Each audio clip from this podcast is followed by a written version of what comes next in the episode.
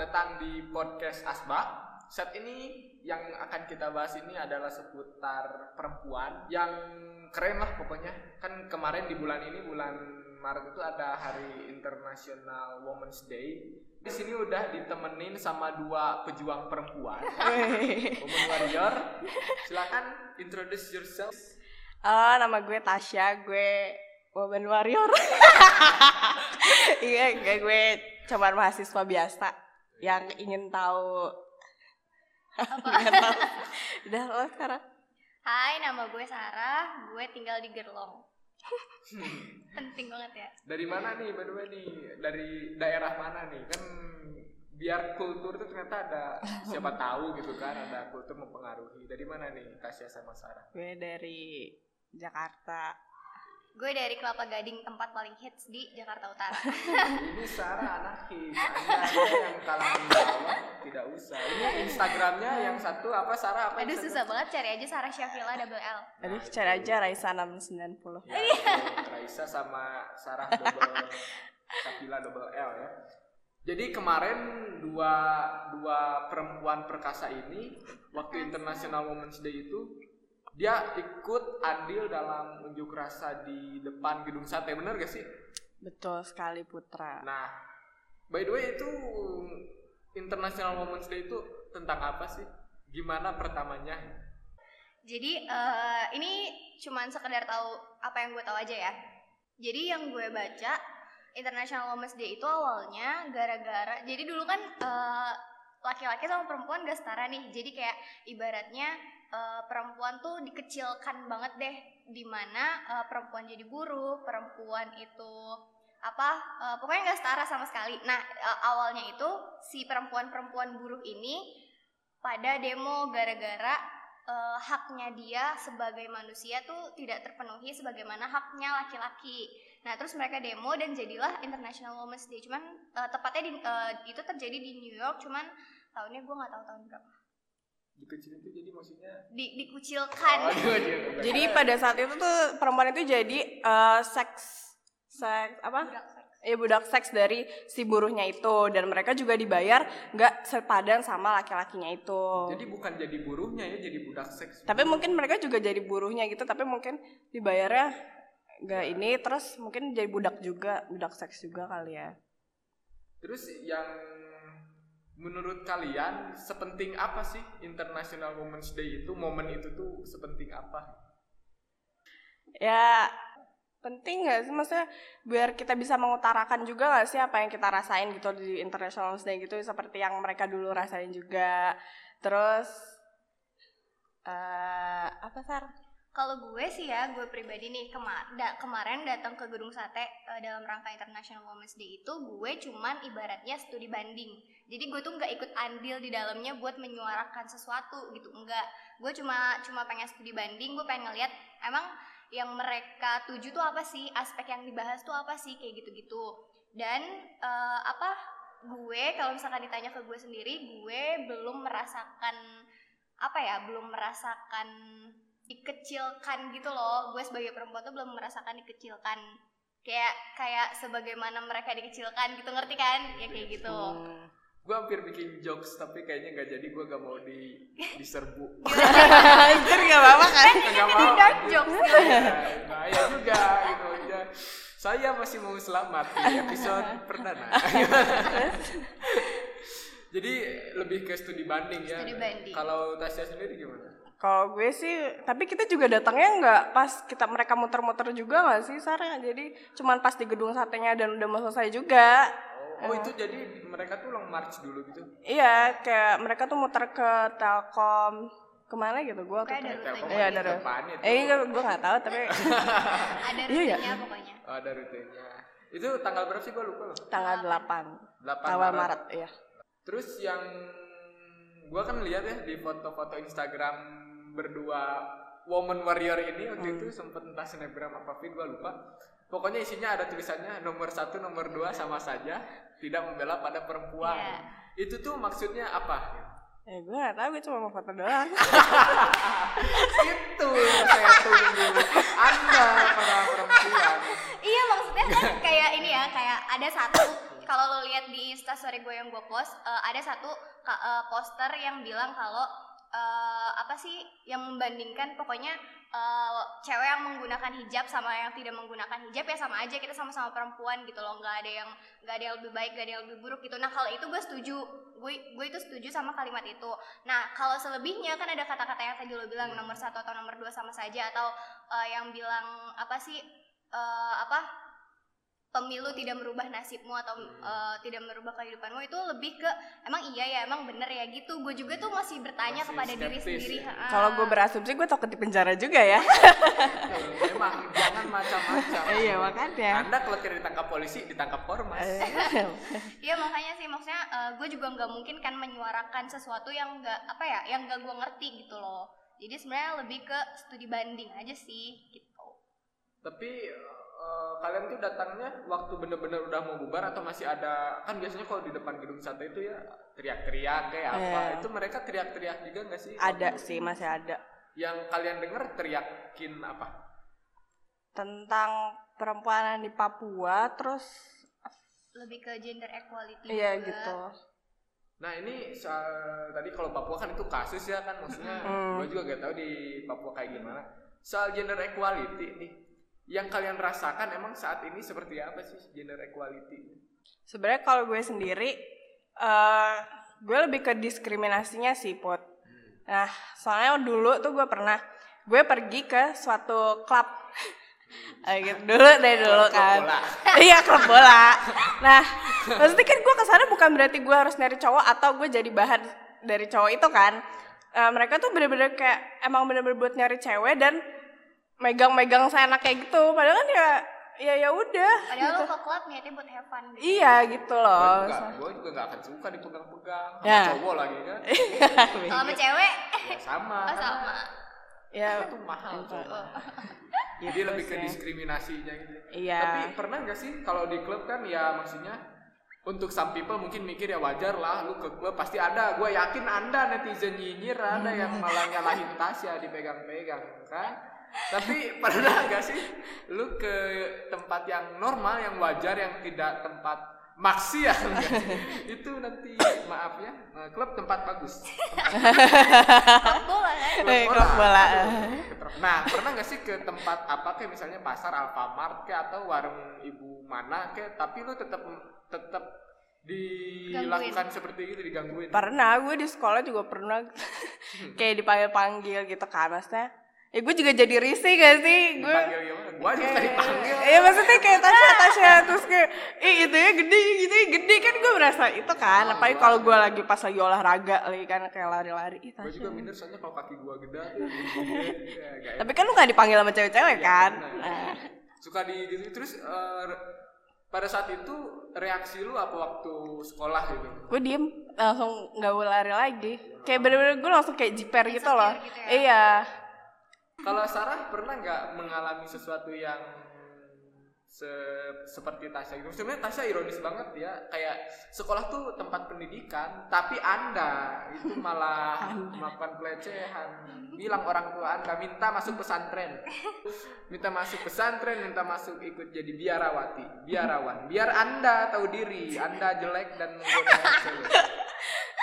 Kalau Sarah pernah nggak? kalau gue eh, gue pribadi pengalaman lebih ke cara gue berpakaian sih. Lo tau kan gimana cara gue berpakaian? Maksudnya ya gue kan Emang lu gimana? Kan gua tahu. Hei, pendengar tidak tahu. Mungkin mengira Anda seperti berhijab full.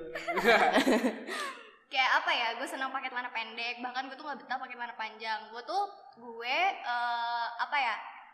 Pakai celana panjang sering pakai celana panjang tuh semenjak gue pindah ke Bandung. Karena nyokap gue kayak wanti-wanti. Pokoknya kamu kalau misalkan mau keluar eh, beli makan aja tuh harus pakai celana yang di bawah lutut. Karena eh, di, dulu gue ya gitu deh nggak pernah nggak pernah mikirin gue harus eh, pakai celana yang sepanjang apa gitu. Karena emang apa ya emang hobi lebih adem lebih lebih enak bergerak gitu sih lebih kayak gitu. Terus eh, baju gue atasan gue juga kayak lebih apa ya begitu deh pokoknya.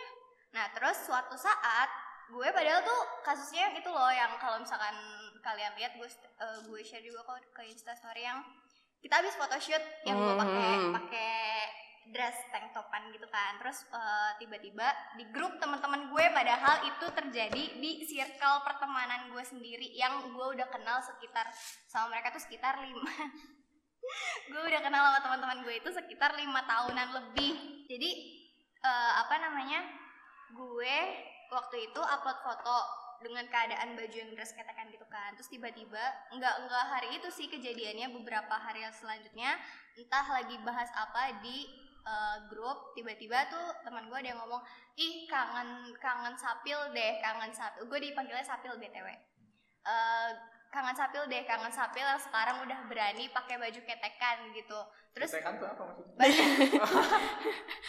baju tank top yang gak ada Oh. lengannya gitu loh You can see, you can see. Iya, terus udah gitu, terus udah gitu eh, ditambah lagi, eh, iya nih eh, Sapil memancing apa sih birahi-birahi gitu. Oh. deh pokoknya yang kayak gitu-gitu kan. Maksud gue kayak ya apa ya? Enggak enggak enggak enggak apa ya? Enggak cocok aja gitu maksudnya. Ya gitu deh, ngerti gak sih? Gak enak ya maksudnya Iya. tem- udah temen kenal Makanya, lama. makanya itu dia. Itu sih yang paling-paling bikin gue ini banget. Terus eh lu speak up gak sih sama si Ngomong, Tapi itu ngomong. yang ngomongnya cowok yang Cowok. ngomong. Terus lu ngomong apa? gue ngomong ya gue ngomong lah panjang lebar gue marah-marah kan terus eh, lebih anjingnya lagi mereka tuh malah ngomong kayak eh, apa namanya? Mereka bilang ini eh, lirik lagu apa lagu baru ya gitu. Padahal tuh maksud gue gue lagi speak up loh gue lagi ngomong lo nggak usah kayak gini kalau misalkan emang lo pengen ngingetin gue buat menjadi apa ya menjadi orang yang lebih baik nggak usah kayak gitu juga gitu. Ada cara yang lebih friendly buat lo ngingetin gue nggak usah pakai cara gitu. Dan mereka tuh kayak menghalalkan segala cara bawa-bawa nama Tuhan kayak ya gue kan kayak gini pengen ngingetin lo gitu. Nggak gitu caranya anjing. Itu sama aja bagian dari diskriminasi ya nggak sih? Aduh gue emosi gue tersulut lagi nih. Ya memang bagus. Itu yang ditunggu Bang. Anjing, Bangsat itu memang harus jadi sajian gitu di podcast ini tuh. Terus eh, akhirnya kan pasti ada ujungnya nih kan. Terus akhirnya apakah anda berdamai dengan gue ngeblok masih masih gue blok sampai sekarang tapi kemarin udah udah sempat nongkrong lagi sih cuman ya gitu gue jadi jaga jarak gitu loh ke mereka nggak nggak seterbuka dulu terus juga gue tuh orangnya lebih ke santai maksud gue ya gue tau lah setiap manusia tuh orang kalau katanya Maslow aja kan eh, hierarki paling bawah adalah seks kan. Seks tuh masuk hierarki paling bawah kan. Maksudnya ya wajar lah manusia tuh ngomongin seks tuh wajar banget. Tapi kan apa ya ini tuh udah keterlaluan gitu. Gue biasanya ngedengerin mereka curhat eh, mereka melakukan apa pun sama pacarnya dari A sampai Z gue tuh ya diem aja cuma apa cuma cuma sebagai pendengar doang gitu. Tapi ketika mereka menjadikan gue sebagai bahan diskriminasi tentang seks gitu kan ya gue nggak terima lah gitu loh. Beda kasus kan soalnya ini peringatan juga Anda dengar tadi Sarah tadi seks itu paling bawah hierarki Maslow. Jadi kalau otak Anda masih ngomongin soal seks itu berarti otaknya masih di paling bawah. ya itu Gitu dia ya. Anda jadi kalau dikit-dikit seks, dikit-dikit auratnya tutup, otak Anda naikin. Kalau saya Sarah lagi ini Tasya pernah gak sih punya kasus yang sama kayak Syafil gitu mengenai pakaian atau something gitu? Pakaian kayaknya seingat gue sih enggak ya, maksudnya masih di batas wajar gitu loh. masalahnya Tasya aja kayak tadi eh, kasus yang olahraga pasti kan pakainya tertutup dong nggak mungkin dia olahraga di sekolah pakai tank Oh, top iya, tapi itu. masih digituin Benar gak pakai tank top? Pakai, ya Allah gue pakai. Itu gue dulu sekolah Islam loh. maksud gue kan apa lebih lebih tertutup lah iya, ya gue pakai kan? gue pakai kerudung loh waktu pas gue gue SMA tuh.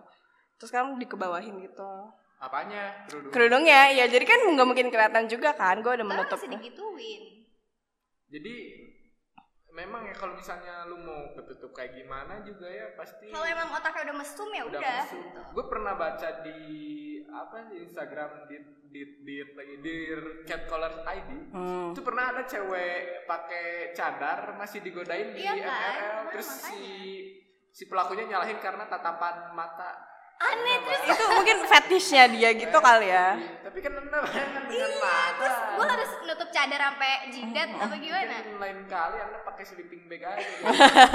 nah, atau ah, kamu yang musuh-musuh mending pakai kacamata yang nutup mata itu biarin nabrak nabrak emang layak tapi eh, ada sebenarnya gue sebagai laki-laki ya ada kekhawatiran tersendiri kayak sejak sejak ya sejak banyak yang speak up gitu speak up soal ini soal itu soal sebenarnya lebih banyak soal pelecehan sih ya. Jarang banget speak up soal gua kerja gajinya nggak sama sama itu jarang banget. Pasti Iya. isinya soal dilecehkan gitu. Mm-mm. gue tuh jadi khawatir suatu saat kalau misalnya gue manggil cewek yang maksudnya ada di jalan gitu. Gue teh teh atau neng neng atau mbak mbak gitu gue dikira catcalling gitu Nggak, eh, niatnya lo manggil si Mbak itu apa dulu? Iya maksudnya misalnya gue mau tolong dong dorongin motor gue gue gak ada niat pelecehan dong gue Iya. butuh bantuan man please tapi kan si mbak itu baru mau denger gue mbak mbak aja udah udah lari jalannya cepet apalagi muka gue kan nggak kayak Reza Rahadian itu gimana Kalau kalau yang gue baca ya, ini juga sebenarnya harus apa ya? Harus di apa ya? eh, ditanamkan edukasi juga sih buat si orang-orang di sekitar nih. Sebenarnya catcalling itu apa sih? Nah kalau yang gue baca itu catcalling itu terjadi di jalanan sama orang yang nggak dikenal dan tujuannya nggak jelas. Kalau misalkan kasus lo tadi kan tujuan lo jelas gitu, nggak mungkin dong orang minta tolong tapi apalagi beneran keadaan minta tolong gitu bukan nipu terus tiba-tiba gue langsung cabut kan nggak mungkin gitu loh jadi balik lagi ke niatnya sih dan eh, harus dikasih edukasi juga Ya, maksud gue itu kan ketika gua manggil mbak mbak atau teh teh gitu itu kan si mbak atau si entehnya tuh nggak tahu gua mau ngapain kan. Taunya gua cuma jalan agak cepat menuju dia yang masa gua manggil dia terus gua diam kan gua butuh gitu. Jadi kan gua otomatis nyamperin kan jalan gitu mbak mbak teh teh. Terus dia malah malah lari gitu. Nah gua harus gimana sebagai laki-laki untuk mendapat kepercayaan teman-teman perempuan ini karena jangan-jangan sikap ini malah menjadi barrier anjir barrier. Tembok bagi benteng. Benteng bagi kita untuk bersosialisasi antara perempuan dan laki-laki. Jadi kira-kira gimana cara untuk kita bisa dipercaya oleh perempuan ketika di jalanan kita nggak saling kenal dan gua manggil gitu. oh gue gak akan kabur sih karena gue juga masih peng apa ya eh, apalagi gue orangnya demen kenalan sama orang baru gitu. Jadi gue gak akan kabur. Ya, bisa bisa aja orang itu punya masalah yang nggak baik kalau dipanggil panggil kan Jangan masalah Eh, iya lu kan kita- sama gua spesifik. Jadi mungkin lebih ke edukasi yang tadi mungkin Iya. bahwa ya mas tapi kan bahaya juga sih kalau misalnya gue tadi mau ngomong apa kenal gak kenal itu samperin dulu aja gimana kalau ternyata benar yang niatnya buruk gitu jadi bingung juga sih bingung gak sih kayak mau preventif takutnya ternyata si cowok itu emang Iya. butuh tapi kalau misalnya ternyata dia nyamperin tapi ternyata si cowok itu jahat gitu lebih dikaji lagi kali ya perbedaan antara cowok yang mau nipu sama cowok yang emang beneran butuh gitu. Ya nggak sih? Butuh Kan apa bisa- nih? Kalau cowok yang butuh sih teh teh teh. Kalau yang nggak butuh teh. Iya beda kan? beda Mas. ya bilang aja mbak boleh minta tolong nggak? Boleh minta tolong nggak? Gitu langsung kali ya biar dia langsung nengok. Iya sih. Iya sih benar Iya, benar kan? Tapi, iya sih. Tapi menurut kalian sih ini eh, kalian sepenuhnya setuju nggak sih sama yang fem- ger- semua gerakan dari feminisme itu? Apa ada bagian yang kalian nggak setuju? Ingat gak sih Sar yang waktu di sate padang? Yang lo bilang yang kalau udah nikah gak ada tuh feminisme feminismean ngomong iya yang pokoknya eh ya lo istri gue lo harus iniin ikutin apa mau gue ya lo bilang gitu ya iya lo bilang kalau lo nikah lo gitu Hah, maksudnya gimana? iya pokoknya pokoknya nggak ada kesetaraan feminisme feminisme gitu pokoknya kalau lo suami gue gue bakal nurut sama lo gitu lo bilang gitu sumpah Sar waktu di sate padang Ya kalau misalkan konteksnya udah suami istri kan suami istri kan sebuah perjanjian gitu ya. Maksudnya seorang istri harus melayani seorang suami. Konteksnya konteks positif loh, bukan konteks kalau negatif. iya tapi kalau misalnya lo mau disuruh kerja atau kalau lo nggak disuruh kerja tapi katanya lo ya lo Enggak, emang iya enggak, itu lo kali. eh, tapi Jadi bener berantem. loh gue jadi kepikiran kayak misalnya suatu saat kan lu nikah ya Iya. amin gitu ya Amin. amin Maksudnya kalian kan nggak tahu suami kalian nanti kayak gimana. Kalau kalian dapet yang bener-bener eh, ketat gitu, strict, kayak lu harus diem di rumah dan tapi kan gue yakin passion cewek zaman sekarang mana ada yang bisa diem dalam rumah kan minimal di teras lah gitu. depan gang lah ya. Nah itu itu apakah kalian masih akan teriak? Kan itu akan jadi ini ya akan jadi bertolak belakang kayak Mhm. sebagai perempuan lu juga pengen kebebasan dan itu sisi feminismenya gitu yang diteriakan oleh feminisme itu kan itu.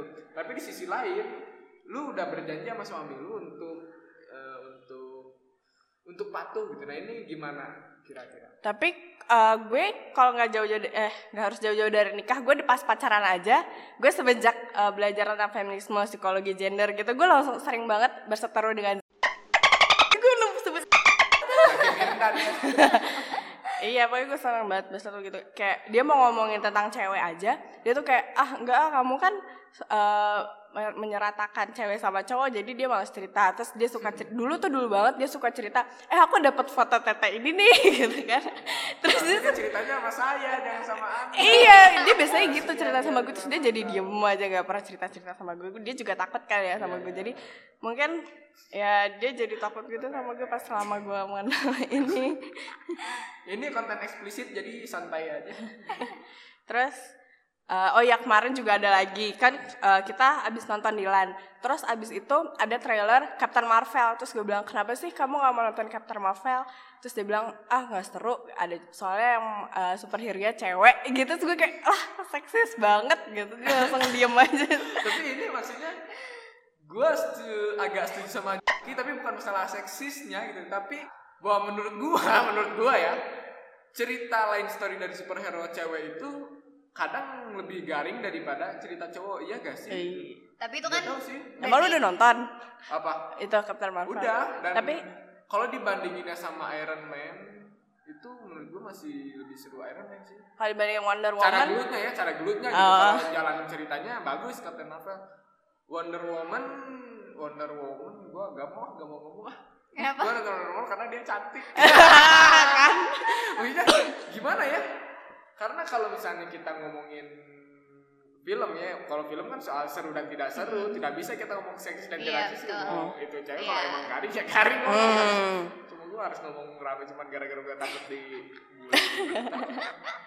kan gitu gitu. Kayak gak tau sih mungkin ya. Tapi sekarang agak bagus sih ada ada dobrakan gitu. Kayak eh, Captain Marvel sama apa tuh Wonder Woman itu superhero cewek yang mulai gelutnya udah mulai seru gitu nggak kayak ya seru lah gitu kan kalau kayak mungkin karena kekuatan. Coba kalau Black Widow tuh gue gak terlalu suka Hmm. Black Widow karena jatuhnya untuk ukuran cewek lu jauh banget. Masa orang ototan gitu lu bisa banting gitu secara secara logika, bukan Logika. saya seksi saya ini anda para feminis Eh, bukan saya seksi tapi maksudnya gua aja cowok ngebanting yang ototan berat banget anjing, anjing. Ini namanya juga film put. Iya sih, untung film. Hmm. Tapi saya ini tolong kasih klarifikasi kalian berdua bahwa saya bukan seksis ini. Eh. Ini saya tiba-tiba Dibully. Diserang. dasar ini podcast anti feminisme. Gak gitu. Eh, kalian orang tua kalian itu kan karena kita di Indonesia ya ketimuran. Biasanya orang tuanya juga masih lebih ketimuran. Itu orang tua kalian menunjang ke feminismean kalian guys Enggak. Ketimuran di sini tuh kayak gimana dulu? maksudnya kalau di timur itu kan maksudnya cewek itu bener-bener banyak aturannya men. Kayak man woman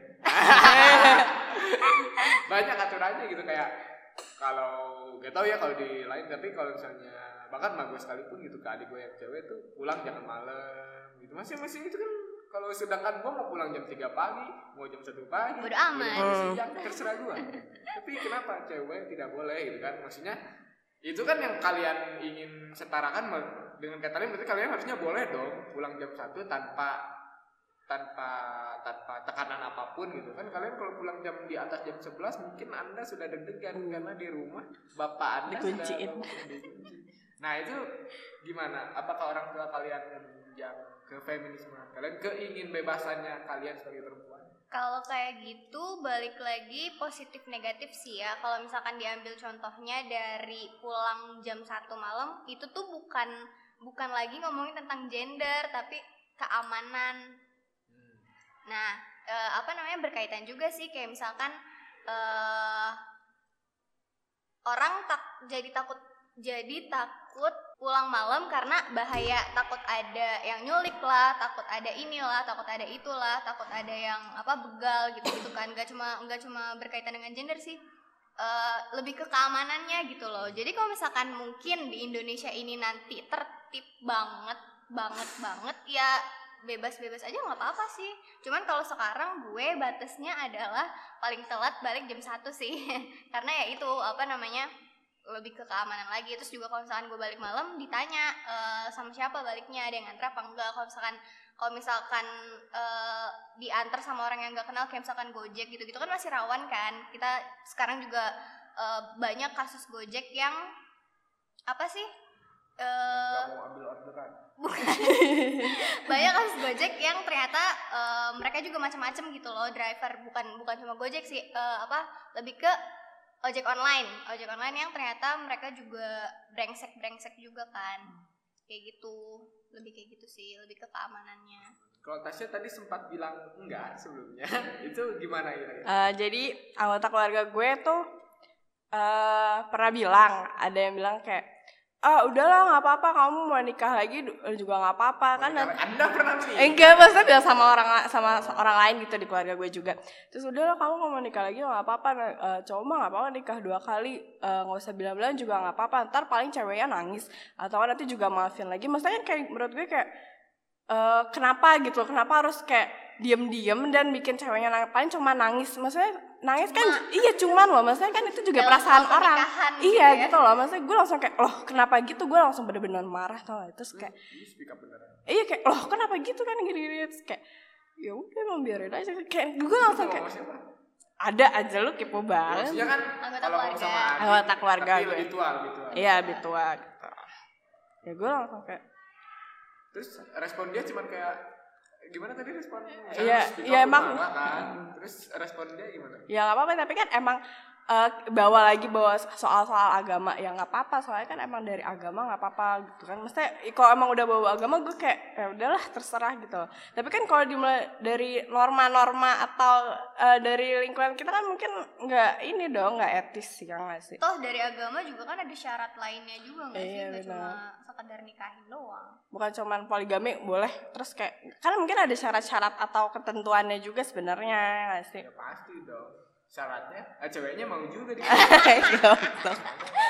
anjing Tapi pandangan kalian tentang maksudnya kan ini eh, poligami ini ada ada dibolehkan ya kalian berdua Hmm. Islam kan ya? Iya. Islam. Jadi dalam Islam itu poligami boleh. Nah, pandangan kalian itu gimana sih? Misalnya kalian nih udah nikah terus suami kalian memenuhi syarat untuk berpoligami, apakah Anda akan mengizinkan? Eh, Karena Kalau gue- memang kalau nggak salah ya, ma- kalau salah ya udah itu. Kalau nggak salah tuh poligami nggak perlu izin istri loh. iya makanya Nah itu pendapat kalian misalnya kalian mendapati suami kalian sudah menikah lagi, tapi kan sudah memenuhi syarat. buat tembak anjing Eh, buat suaminya Sarah ya Suami Sarah Anda awas.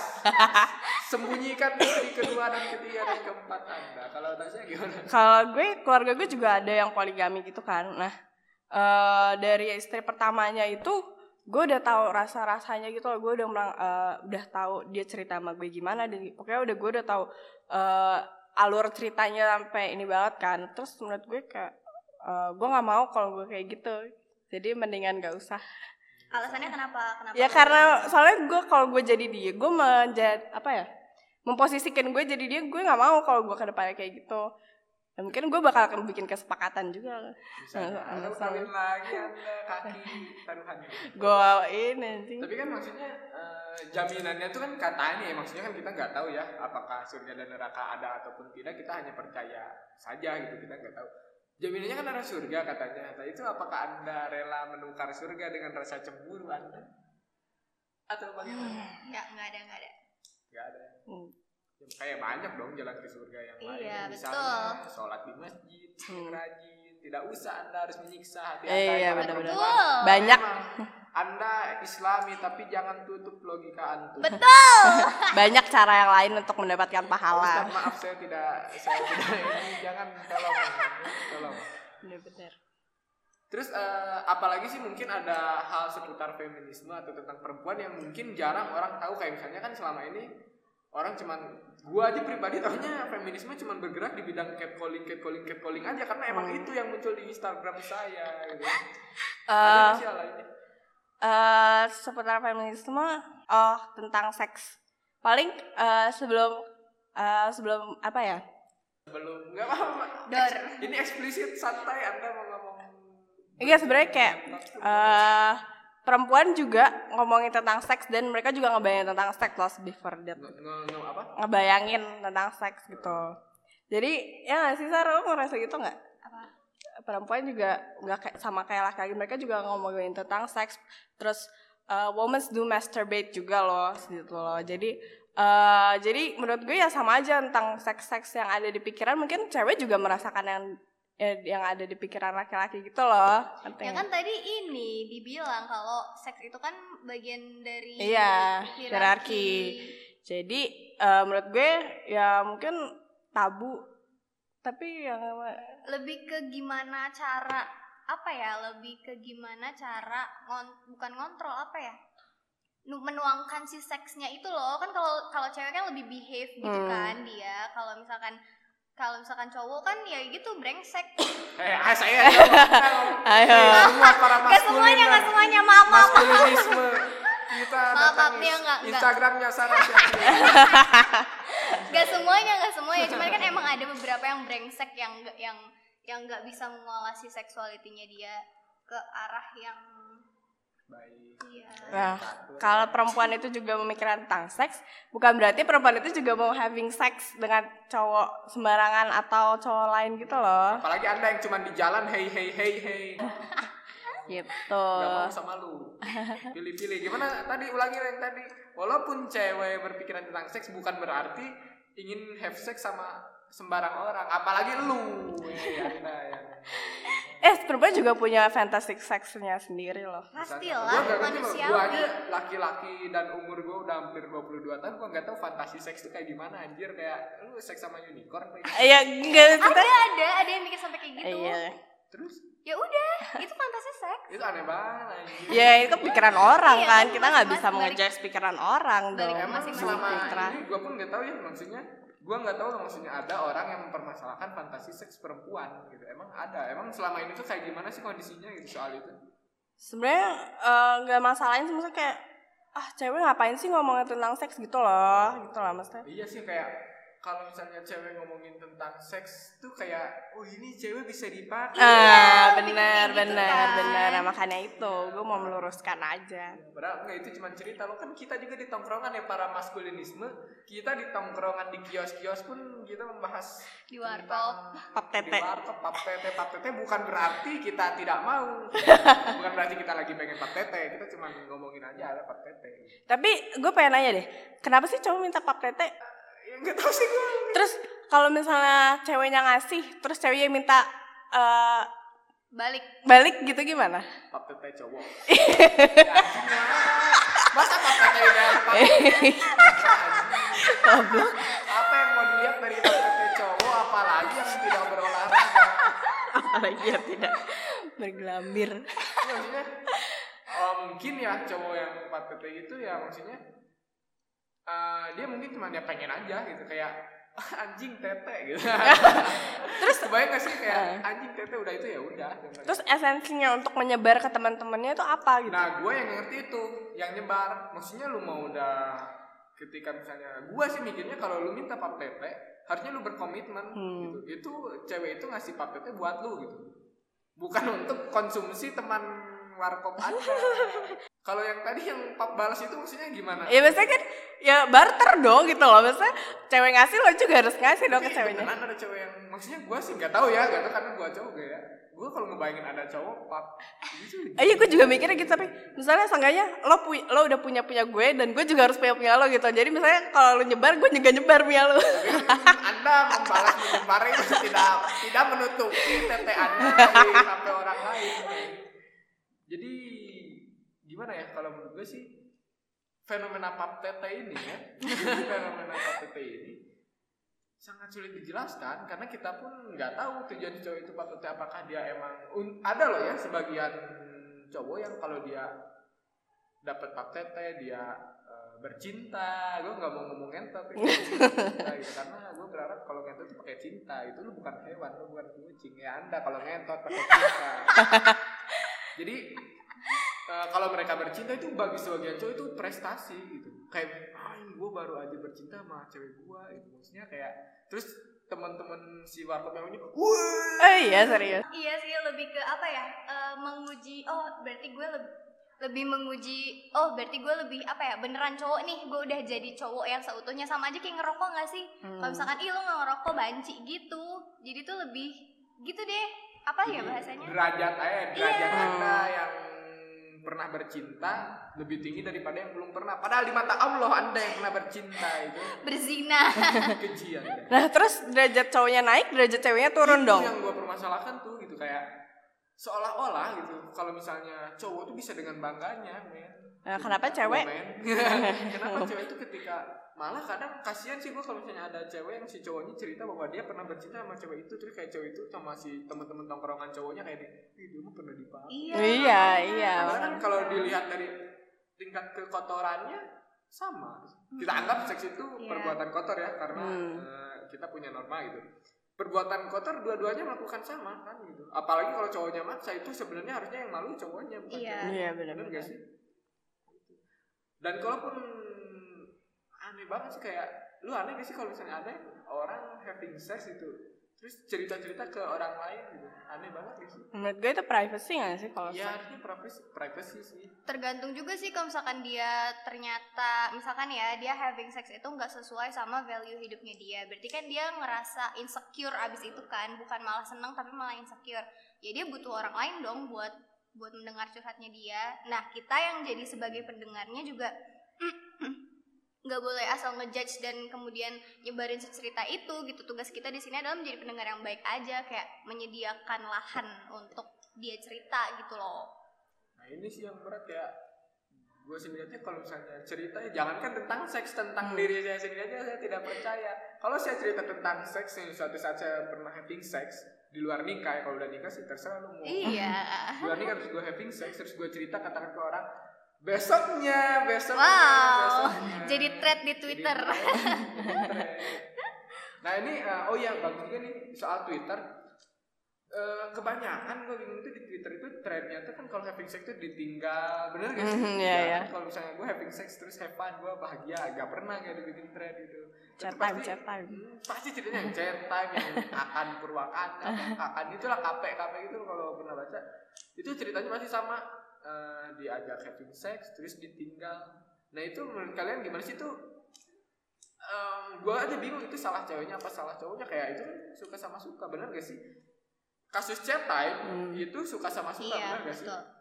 Dan maksudnya masalah kan itu yang jadi chat type itu yang jadi masalah tuh yang cowoknya ngomong bahwa have sex ini buat lo mungkin uh, means the word but for Hmm. me it's only apalah gitu. Hasrat.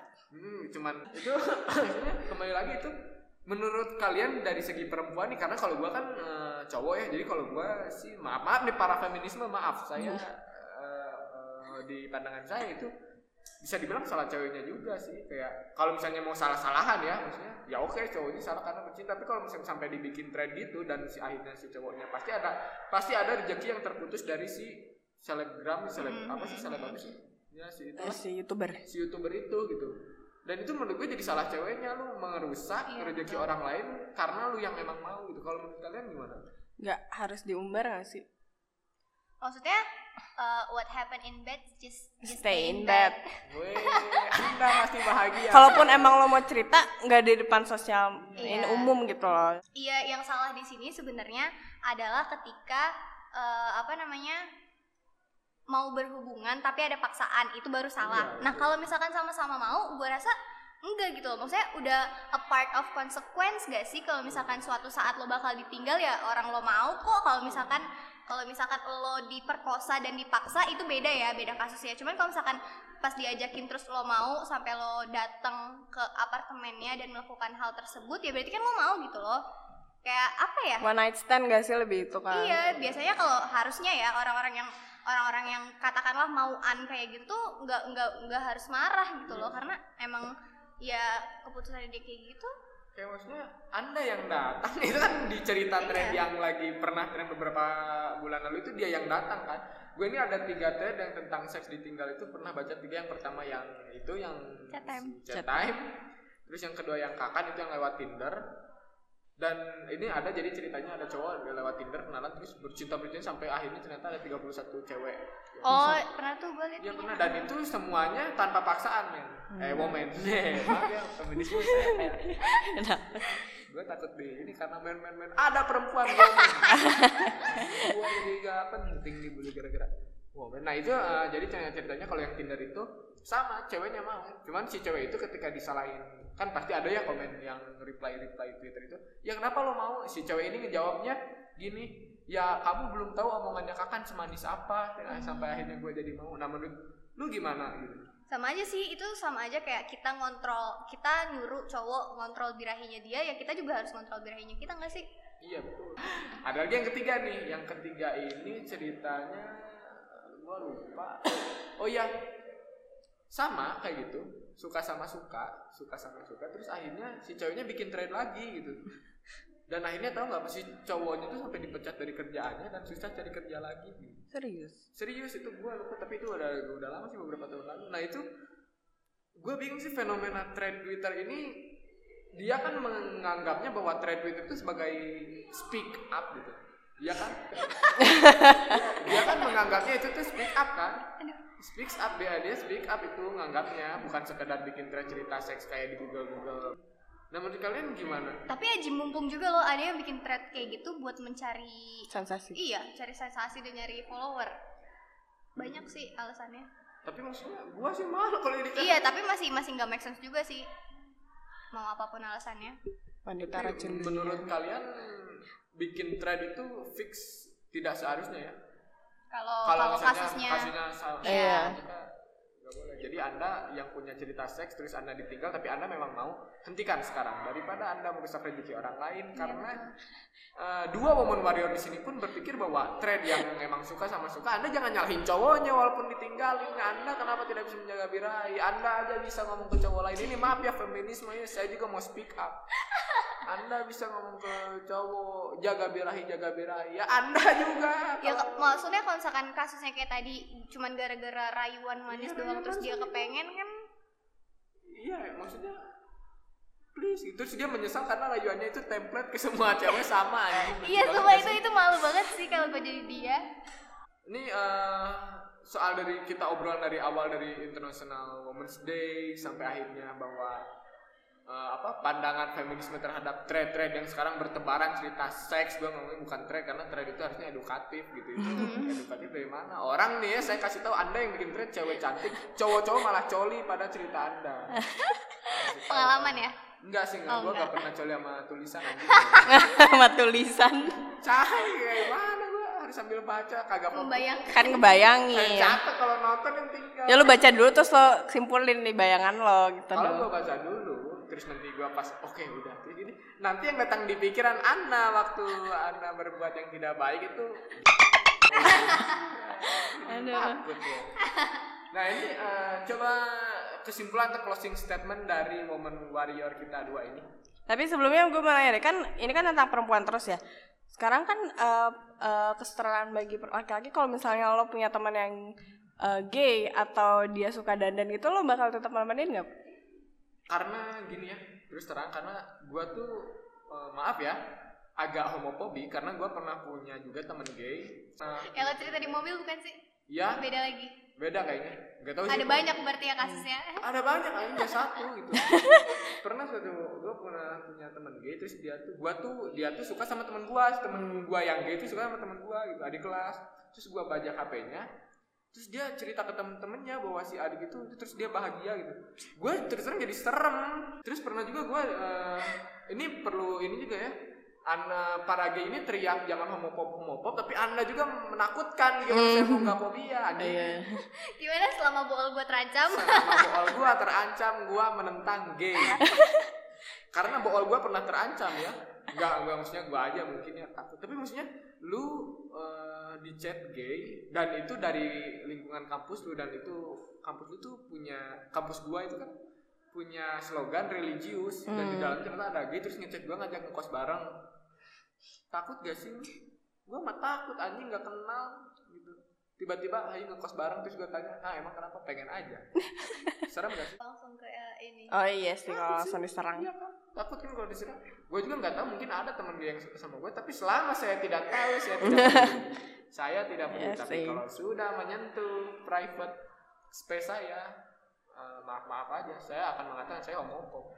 berarti conclusionnya kalau misalkan mereka masih aman nggak menyentuh ruang Iya. lingkup lo Iya. masih biasa aja Masih ya biasa aja. kecuali kalau misalkan udah udah touch langsung Touch langsung kayak kan terbukti gue punya temen gay berarti gue berteman dong Hmm. berteman dan itu artinya kan gue nggak nggak menolak orangnya sama aja kayak cewek-cewek yang kalau misalnya merasa ini kan merasa Hmm.